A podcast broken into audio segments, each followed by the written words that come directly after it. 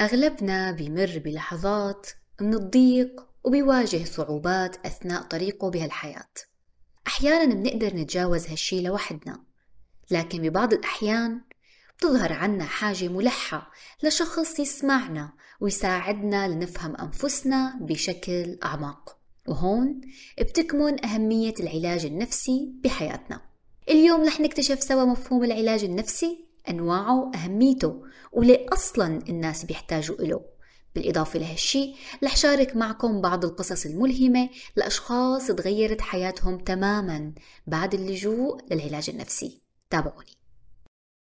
معكم الأخصائية النفسية سارة فرعون بشارككم من خبرتي وقراءاتي ضمن بودكاست تكتيكات حياتية. هدفي نشر الوعي بأهمية الاهتمام بجانبك النفسي حتى تكوني أكثر راحة وسعادة.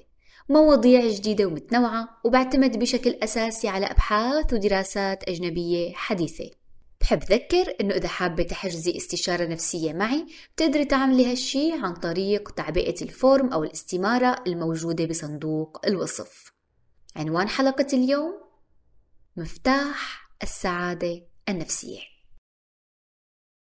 بداية خلينا نعرف العلاج النفسي.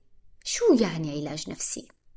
العلاج النفسي أو سايكوثيرابي خلينا نقول هو عملية تعتمد على الحديث والمناقشة بين المعالج والمتعالج بهدف فهم وحل المشكلات النفسية والعاطفية طيب أنا ليه ذكرت أنه هو عملية؟ شو الفرق بين أنه يكون عملية أو فعل مثلا؟ عملية يعني شي بيتطلب خطوات هو ماله فعل هيك آني يلا دغري. آه مرحبا كيفك؟ انت عم تعاني من الاكتئاب؟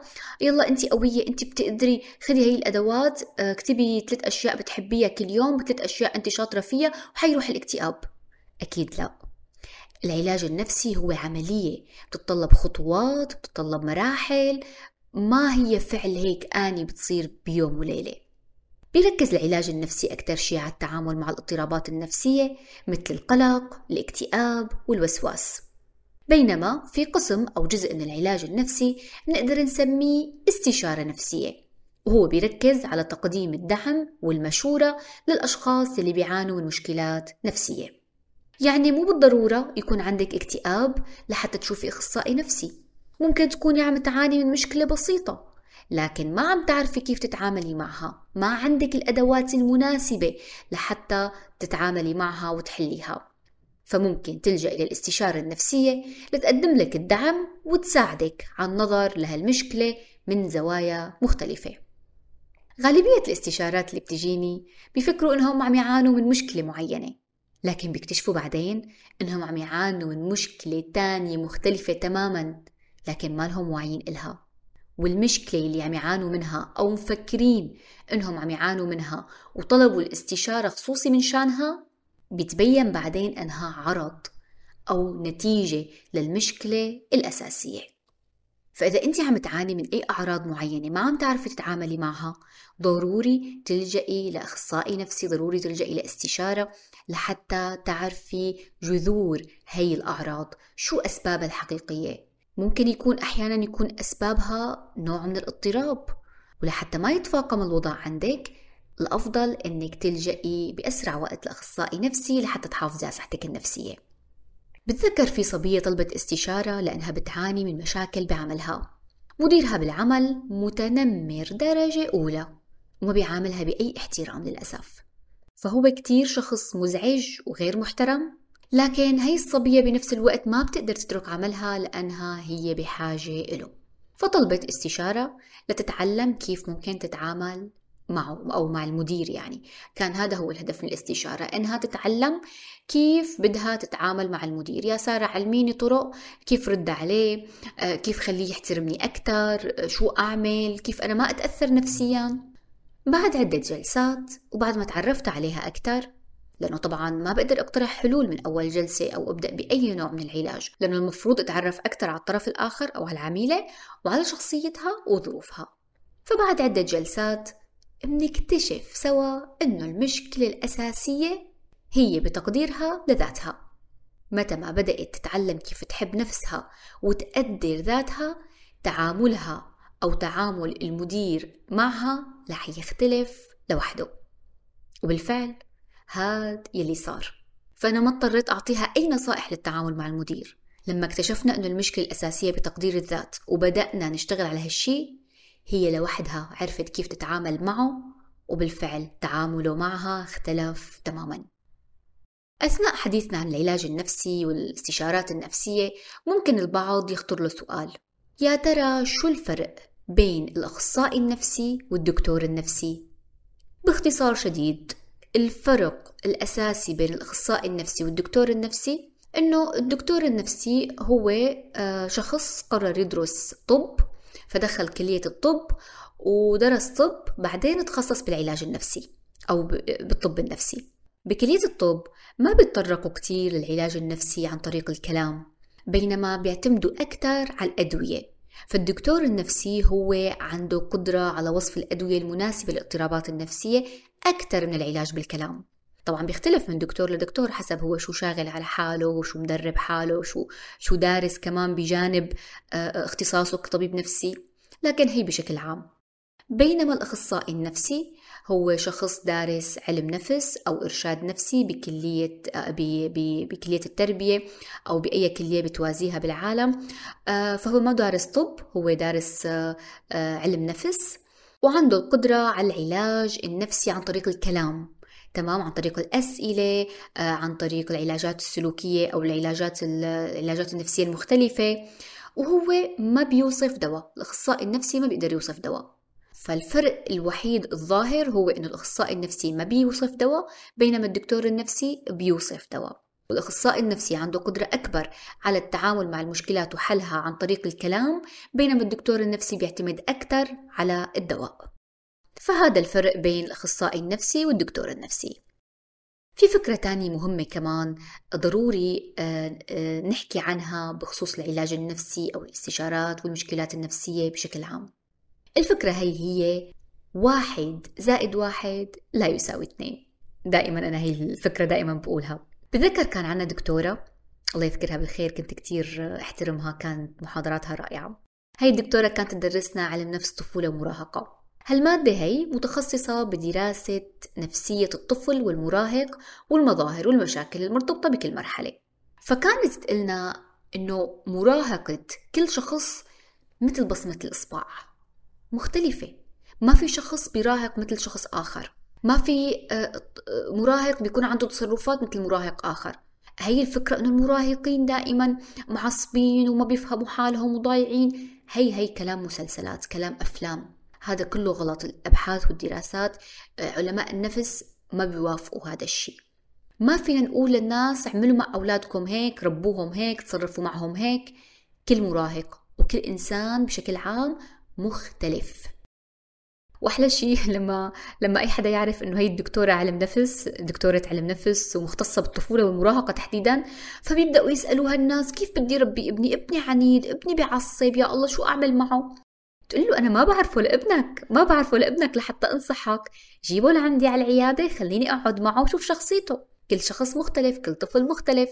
فالأطفال هن بينشأوا مختلفين بيصيروا مراهقين مختلفين كمان لما يكبروا كمان نحن كلياتنا مختلفين. فهالكلام بينطبق على الأطفال وعلى الكبار. لهيك بعلم النفس موجود أنواع علاجات مختلفة أنواع علاجات كتيرة. ما في علاج واحد فقط. ممكن نفس المشكلة يكون لها أكثر من طريقة بالعلاج. يعني ممكن شخصين يزوروا نفس العيادة عندهم نفس المشكلة لكن الأخصائي النفسي بيتعامل معهم بشكل مختلف تماما.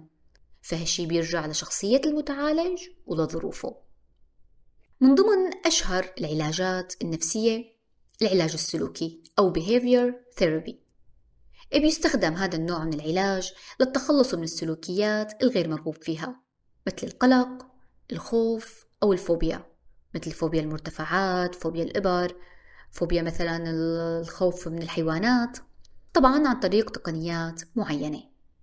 في علاج تاني كمان كتير مشهور ومعروف هو العلاج المعرفي السلوكي أشهر العلاجات النفسية الشائعة والفعالة حاليا. بيركز هذا النوع من العلاج على تغيير الأفكار أو التعامل خلينا نقول مع الأفكار. لأنه بينطلق العلاج من الفكرة الأساسية أو المبدأ الأساسي خلينا نقول بهالعلاج هو إنه فكرة بتقود لمشاعر بتقود لسلوك.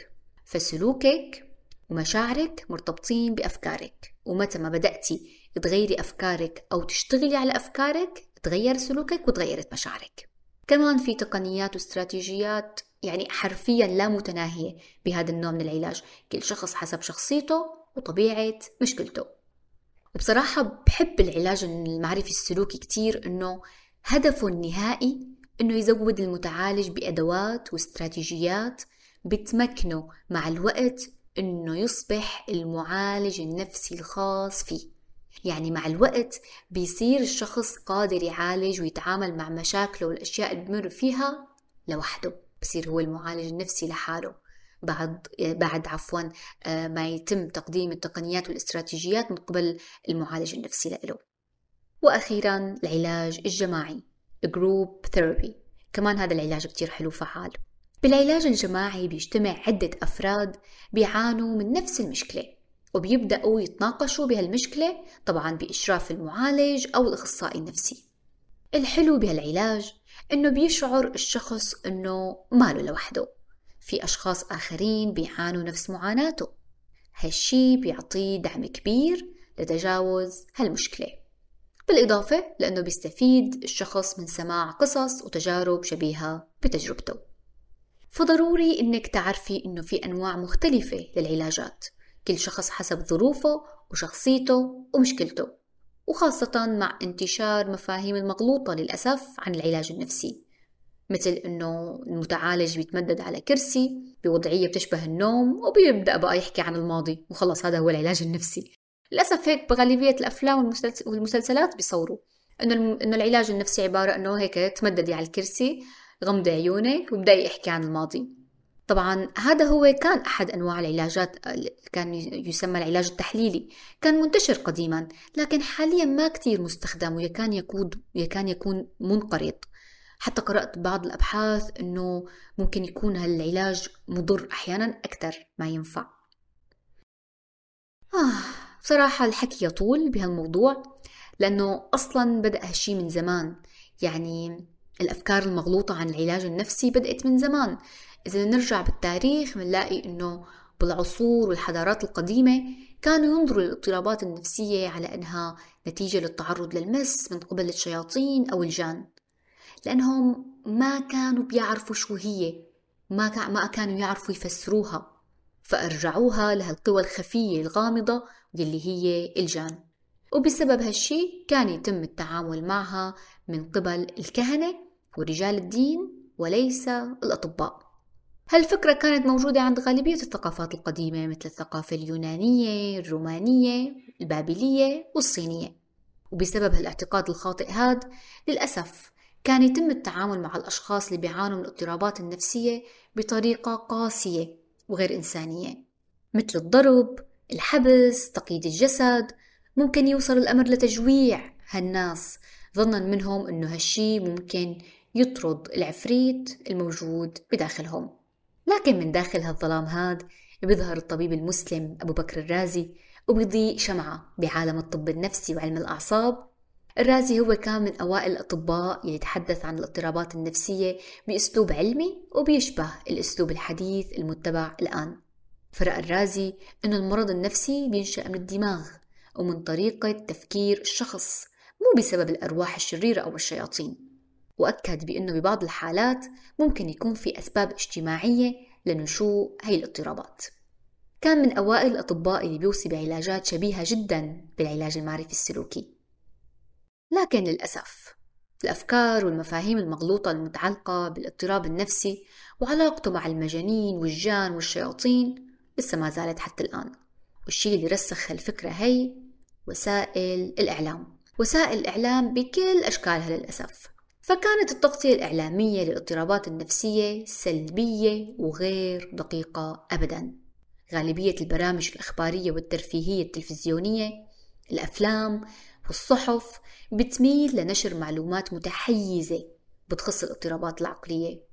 يعني مثلا بيركزوا على الجرائم اللي بيتم ارتكابها من قبل أشخاص مضطربين نفسيا أكثر من جرائم مماثلة لأشخاص ما بيعانوا من أي اضطرابات نفسية.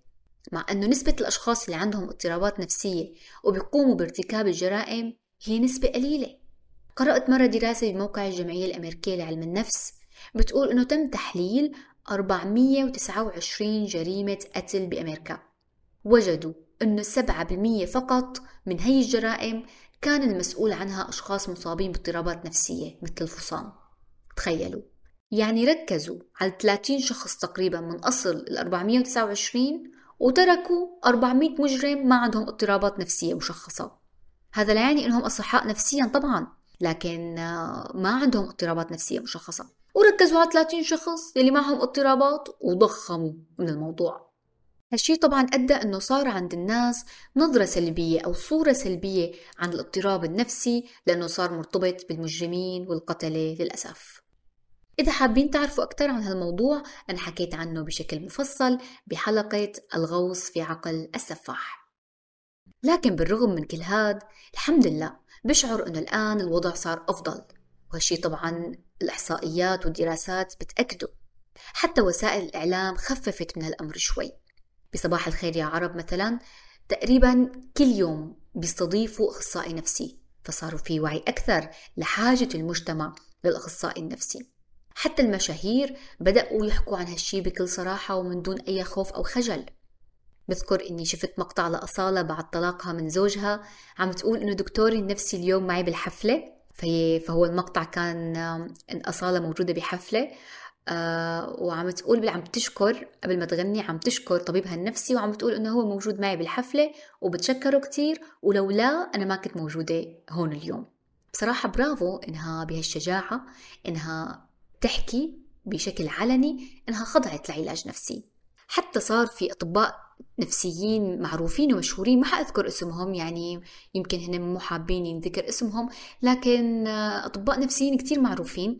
كمان صاروا يقولوا إنه نحن تعرضنا لمشاكل سواء بالزواج سواء مشاكل شخصية وما عرفنا آه، نتعامل معها فلجأنا لدكتور عادي. يعني حتى الدكتور النفسي أو الأخصائي النفسي ممكن يتعرض لمشاكل ما يعرف يتعامل معها. لأنه دائما الإنسان ما عنده القدرة ينظر على مشاكله مثل ما بينظر لمشاكل غيره. دائما لما بنحكي مشاكلنا للآخرين الآخرين بيقدروا ينظروا لها بشكل مختلف ويورجونا هذا الجانب المختلف أكثر من أنفسنا. فالحمد لله هلأ الوعي صار أكبر. آه، حتى زميلاتي بيقولوا لي إنه فعلا يعني في إقبال. زميلاتي اللي بيشتغلوا كأخصائيات نفسيات بيقولوا لي إنه في إقبال بشكل أكبر حاليا على العلاج النفسي وعلى الاستشارة النفسية. بمختلف آه، يعني مع مختلف الناس مع مختلف الشرائح. وحاليا بصراحة مع انتشار الإنترنت صار في كمان علاج نفسي أونلاين صار في استشارات أونلاين. فصار أي حدا بأي مكان بالعالم بيقدر يحصل على العلاج النفسي أو الاستشارة النفسية من دون ما أي شخص أبدا يعرف.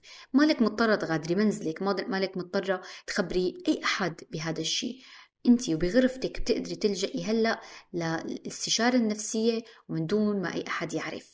وهالشي بصراحة لاحظته بالاستشارات. يعني جاني استشارات من مناطق مختلفة بالعالم. في مناطق جاني استشارات من قرى. من قرى موجودة بسوريا قرى نائية كتير وبعيدة عن المدينة. آه، يمكن ما فيها أصلا بالقرية ما فيها دكتور أو أخصائي نفسي. آه، فهذا الشيء كتير حلو. بالإضافة لهالشي كمان صار في وعي عند المقبلات على الزواج عند عند الفتيات المقبلات على الزواج إنه أنا قبل ما أتزوج المفروض آه، أعرف أنا شو بدي من الزواج أنا هل مناسبة للزواج أنا شو الصفات اللي بدي إياها بالطرف الثاني هل يا ترى هذا الشخص مناسب لإلي؟ فكمان الحمد لله إجاني أكثر من استشارة زواج وهذا الشيء بدل على وعي كتير كبير على وعي كتير كبير إنه تجي صبية لعندك مالها صغيرة بصراحة واعية. عمرها 27 ولا 28 تقلك إنه أنا آه، مقبلة على الزواج وأنا ما بعرف إذا هذا الشخص مناسب لإلي بدي إياك تساعديني. فهذا الشيء كتير حلو. فالحمد لله إنه وصلنا لهالوعي. بعد ما تعرفنا على ماهية العلاج النفسي وأنواعه يا ترى شو أهمية العلاج النفسي؟ وليه من الضروري إنك تزوري أخصائي نفسي لما تشعري بإنك مالك منيحة؟ بصراحة حياتك قبل العلاج النفسي أو حتى الاستشارة النفسية شيء وبعدها شيء تاني مختلف تماما. وهذا بناء على الحالات اللي شفتها والحالات الكتيرة اللي سمعت عنها سواء من زملائي المعالجين ومن الدكاترة بالجامعة. من أكثر الحالات اللي قابلتها وأثرت فيني كتير وحكيت لكم عنها من قبل هي الصبية اللي كانت تخطر لها أفكار خوف من الأحداث السلبية. يعني كل يوم تصحى الصبح أول شي بيخطر على بالها يا ترى شو بده يصير معي اليوم؟ يا ترى شو في مشاكل بدها تحدث؟ هالشي طبعا أدى لمشاعر خوف قلق توتر إحباط. كانت هاي المشاعر تخليها تتجنب الانخراط مع الناس الذهاب على الجامعة كانت تفكر حتى تترك دراستها بالإضافة طبعا لكتير مظاهر تانية. لما تواصلت معي هالصبية قالت لي سارة أنا ممكن أعمل أي شيء بس بدي أتخلص من هي الأفكار. بدي أعيش حياتي. أنا هي الكلمة ما بنساها. بدي أعيش حياتي. صبية بالعشرينات ما كانت قادرة تفوت وتطلع وتروح بمشاوير حلوة تدرس تلحق شغفها تحط أهداف طموحات حتى تحققها. بالإضافة أنه كان هالشي عم يعيقها على اتخاذ قرار الزواج واختيار شريك الحياة. فبدأنا المشوار سوا. استخدمت معها العلاج المعرفي السلوكي. والحمد لله. حياتها اختلفت تماما بعد العلاج. رجعت لدوام الجامعة كملت دراستها حياتها حياتها استقرت وأهم شيء إنها حصلت على الراحة النفسية. فالعلاج النفسي ممكن أحيانا يغير من شخصيتك بالكامل. ممكن يخليك تفهمي شخصيتك بشكل أوضح. نقاط قوتك نقاط ضعفك وهالشي رح يمنحك قوة أكثر أثناء التعامل مع مشاكل وتحديات الحياة. بالإضافة لهالشي العلاج النفسي ممكن يساعدك على تحسين التواصل مع الآخرين مثل الصبية اللي ذكرتها ببداية الحلقة اللي كان عندها مشكلة مع مديرها ولما تعاملت مع المشكلة اللي عندها اللي هي المشكلة الأساسية اللي كانت بتعاني منها أنه قلة تقدير الذات انعكس هالشي على علاقتها على علاقاتها مع الآخرين ومع مديرها من دون ما تعمل أي شيء تاني. العلاج النفسي كمان بيزودك بالأدوات المناسبة للتعامل مع ضغوطات الحياة. وبيساعدك على التخلص من الاضطرابات النفسية في حال وجودها مثل القلق والاكتئاب. فهو بيقدم الدعم اللازم للمتعالج وبيزوده بأدوات ليفهم ذاته والشيء اللي عم يمر فيه لحتى يقدر يتعامل معه بالشكل الصحيح. بتوقع في شغلة مشتركة بين غالبية الأخصائيين النفسيين والدكاترة النفسيين. واللي هي إنه ما في مرة بخبر الناس فيها إني أخصائية نفسية إلا وبيبدأوا إبداء إعجابهم. أوه عن جد؟ علم نفس؟ يا الله شو بحب هالاختصاص. آه والله كان نفسي أدخل علم نفس. بس أهلي ما خلوني. تعرفي تحللي شخصيات؟ والله شعري إنه هيك عندي اكتئاب شوي. شوفي لي شو معي؟ ويبلشوا يبدأوا يحكوا قصصهم. طبعا أنا كتير بستمتع وكتير بنبسط بهذا الشيء وهالشي بدل على حاجة الناس للعلاج النفسي والاستشارات النفسية. وخاصة أنه هالشي للأسف ما سبق أنه تعلمناه بالمدرسة. تعلمنا رياضيات وفيزياء وكيمياء وتاريخ. لكن ما تعلمنا كيف نتواصل مع الآخرين. كيف نتعامل مع أنفسنا. لهيك المجتمع بحاجة كبيرة للاستشارات النفسية ولهذا المجال. صح ممكن يكون في بعض العقبات يلي ممكن تمنع الناس من اللجوء لمختص نفسي لكن مثل ما ذكرت قبل شوي بهذا العصر تقريبا اختفت غالبية العقبات. يعني مثلا ممكن بعض الناس تشعر بالخجل أو الخوف من التحدث عن المشاكل النفسية. لكن بوجود الإنترنت بوجود, الاختش... بوجود الاستشارات النفسية الأونلاين أو عن بعد هذا الشيء أو هي العقبة ممكن تختفي. العقبات الثانية ممكن تكون التكلفة. تكلفة الاستشارات النفسية ممكن تكون مرتفعة. وهالشي طبعا بسبب إنه انت عم تعدي مع مع الأخصائي ساعة كاملة. بينما لما بتعدي مع الدكتور بتعدي عشر دقائق بفحصك وبتروحي. بينما بتعدي مع الأخصائي ساعة كاملة بفرغ دماغه خصوصي إلك لحتى يسمعك ويفهمك. بعد هي الساعة في الأخصائي النفسي بيقعد جلسة مع حاله لحتى يفهمك يدرس حالتك يدور لك على أدوات مناسبة إلك. يحط لك برنامج علاجي أو خطة لحتى تمشي آه، تمشي فيها أنت وياه. يعني مهنة الأخصائي النفسي مجهدة ليك أحيانا بتكون تكلفتها عالية. لكن في كتير جهات عم تقدم استشارات مجانية. في كتير منظمات الحمد لله هلأ بتقدم استشارات مجانية. ممكن تكون أونلاين وممكن تكون بمراكز موجودة بمدينتك أو البلد اللي أنت مقيمة فيها. السؤال يلي ممكن ينطرح الآن كيف ممكن أعرف إني بحاجة للعلاج النفسي أو حتى استشارة نفسية؟ غياب الاضطراب النفسي لا يعني التمتع بصحة نفسية. كتير بحب هالمقولة. صح ممكن ما تعاني من اكتئاب ما تعاني من قلق أمورك الحمد لله تمام بتروحي على الشغل بترجعي على الشغل بتروحي على الجامعة بترجعي من الجامعة آه، أو حتى قاعدة بالبيت بتساوي أمورك أمورك كلها تمام. لكن ممكن يكون عندك تقلبات حادة بالمزاج شوية أفكار سلبية أو نقص بالدافع والطاقة لتكملي مشوارك بالحياة. هدول الأشياء ممكن ما تكون علامة لاضطراب نفسي لكن ممكن تكون علامة لصحة نفسية منخفضة. حسب منظمة الصحة العالمية الصحة النفسية هي حالة من العافية بيكون الشخص قادر على التعامل مع الضغط والتوتر العادي يلي بيواجهه بحياته اليومية قادر على العمل والإنتاج والمساهمة بالمجتمع. فإذا أنت حاسة ما بتنطبق عليك هي الأشياء في عنصر من هالعناصر هي فأتيها بحياتك فالأفضل تراجعي أخصائي نفسي. ممكن ما يكون عندك اضطراب لكن ممكن يكون عندك مشكلة نفسية بسيطة. وفي تعريف مختصر للصحة النفسية كتير بحبه هو لفرويد مع أني ما كتير بحب فرويد بس بحب هذا التعريف كتير. بيقول أنه الصحة النفسية هي القدرة على الحب والعمل. يعني لخص لنا كل شيء حكيناه بكلمتين. هي القدرة على الحب والعمل. الصحة النفسية هي قدرتك على أنك تتعاملي مع الناس من حولك وقدرتك على أنك تكوني منتجة بغض النظر شو هو الإنتاج سواء منتجة ببيتك بعملك بجامعتك بأي منحى من مناحي حياتك. فضروري تكوني واعية للعلامات أو الإشارات اللي بتحذر على وجود صحة نفسية منخفضة وبتظهر الحاجة للجوء للأخصائي النفسي حتى تكون حياتك أكثر راحة وسعادة. حكيت عن هدول الأشياء أو العلامات بشكل مختصر تعالوا نحكي بشكل معمق أكثر. رح أذكر بعض الإشارات أو العلامات يلي بتدل على وجود صحة نفسية منخفضة. التغيرات الشديدة بالمزاج. إذا كنت عم تعاني من تقلبات مزاجية شديدة بتأثر على حياتك اليومية مثل حزن مستمر، قلق، ممكن يكون هالشي إشارة لوجود مشكلة تحتاج لمعالجة. التغييرات بالعلاقات الاجتماعية. إذا كنت بتشعري بأنه علاقتك مع الأصدقاء والعائلة تأثرت بشكل سلبي بسبب سلوكياتك أو مشاعرك كمان هي دليل على وجود مشكلة. تغيرات بالسلوك. مثل الميل للانعزال الوحدة أو ممكن عدوانية أو تصرفات ضارة بالنفس. التغيرات بالأداء الوظيفي. إذا كنت عم تلاقي صعوبة بالقيام بواجباتك اليومية سواء بالعمل أو المدرسة أو تحقيق أهدافك. التغيرات الجسدية. إذا كنت عم تعاني من الشعور بآلام جسدية متكررة ممكن وجع راس وجع معدة ظهر آه، رجلين صدر. إذا كنت عم تعاني بعض الآلام الجسدية وما إلها سبب عضوي ممكن تكون المشكلة نفسية أحيانا. التفكير المستمر في مشكلة معينة.